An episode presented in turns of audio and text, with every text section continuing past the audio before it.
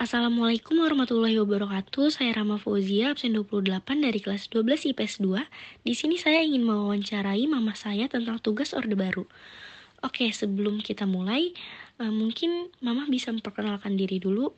Assalamualaikum warahmatullahi wabarakatuh. Saya wali murid dari Rahma Fauzia, kelas 12 IPS 2. Pak, ingin menjawab wawancara orang tua tentang masa Orde Baru. Oke, baik, Ma. Mama ketika kelas 1 SMA, pas masa Orde Baru itu tahun berapa dan usia berapa? Pada masa Orde Baru, sekitar tahun 1997 sampai 1998, saya masih duduk di kelas 3 SMA dan saya saat itu masih berusia 18 tahun. Bagaimana rutinitas Mama sewaktu bersekolah SMA di masa Orde Baru? Rutinitas saya pada saat itu hanya sekolah, les, dan pulang ke rumah.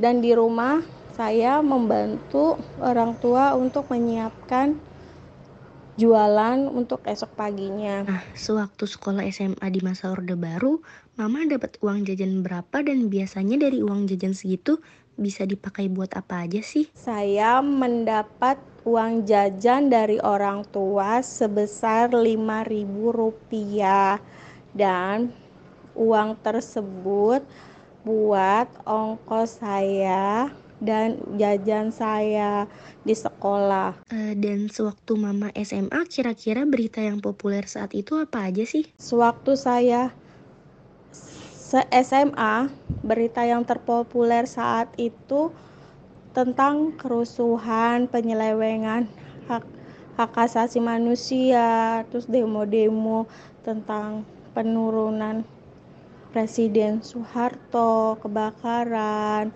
dan pembunuhan. Pada masa Orde Baru, Mama mulai bekerja tahun berapa? Pada masa Orde Baru, saya mulai bekerja di tahun 2002 setelah lulus kuliah. Dari pendapatan yang diterima saat bekerja pertama kali pada masa Orde Baru, apakah uangnya cukup, kurang, atau lebih untuk kehidupan sehari-hari? Pendapatan saat bekerja pertama kali itu alhamdulillah cukup buat saya dan orang tua saya. Ketika terjadi krisis ekonomi dari tahun 1997 sampai 1998, Apakah pekerjaan yang dijalani Mama menjadi salah satu dari yang terdampak? Jika iya, apa dampaknya? Jika tidak, kenapa bisa tidak terdampak? Kalau tidak salah, tahun 1997 itu diadakan pemilu pemilihan pemilihan partai dan presiden dan wakil presiden pada tahun 1997 sampai 1998 saya belum bekerja tetapi masih sekolah. Nah, terakhir menurut Mama, bagaimana kondisi ekonomi Indonesia setelah krisis 1998 khususnya pada tahun 1999 sampai 2001? Apakah lebih baik dari masa Orde Baru atau bagaimana? Kondisi ekonomi Indonesia setelah tahun 1997 sampai 2001 sudah mulai membaik. Sudah mulai sudah mulai banyak lapangan pekerjaan.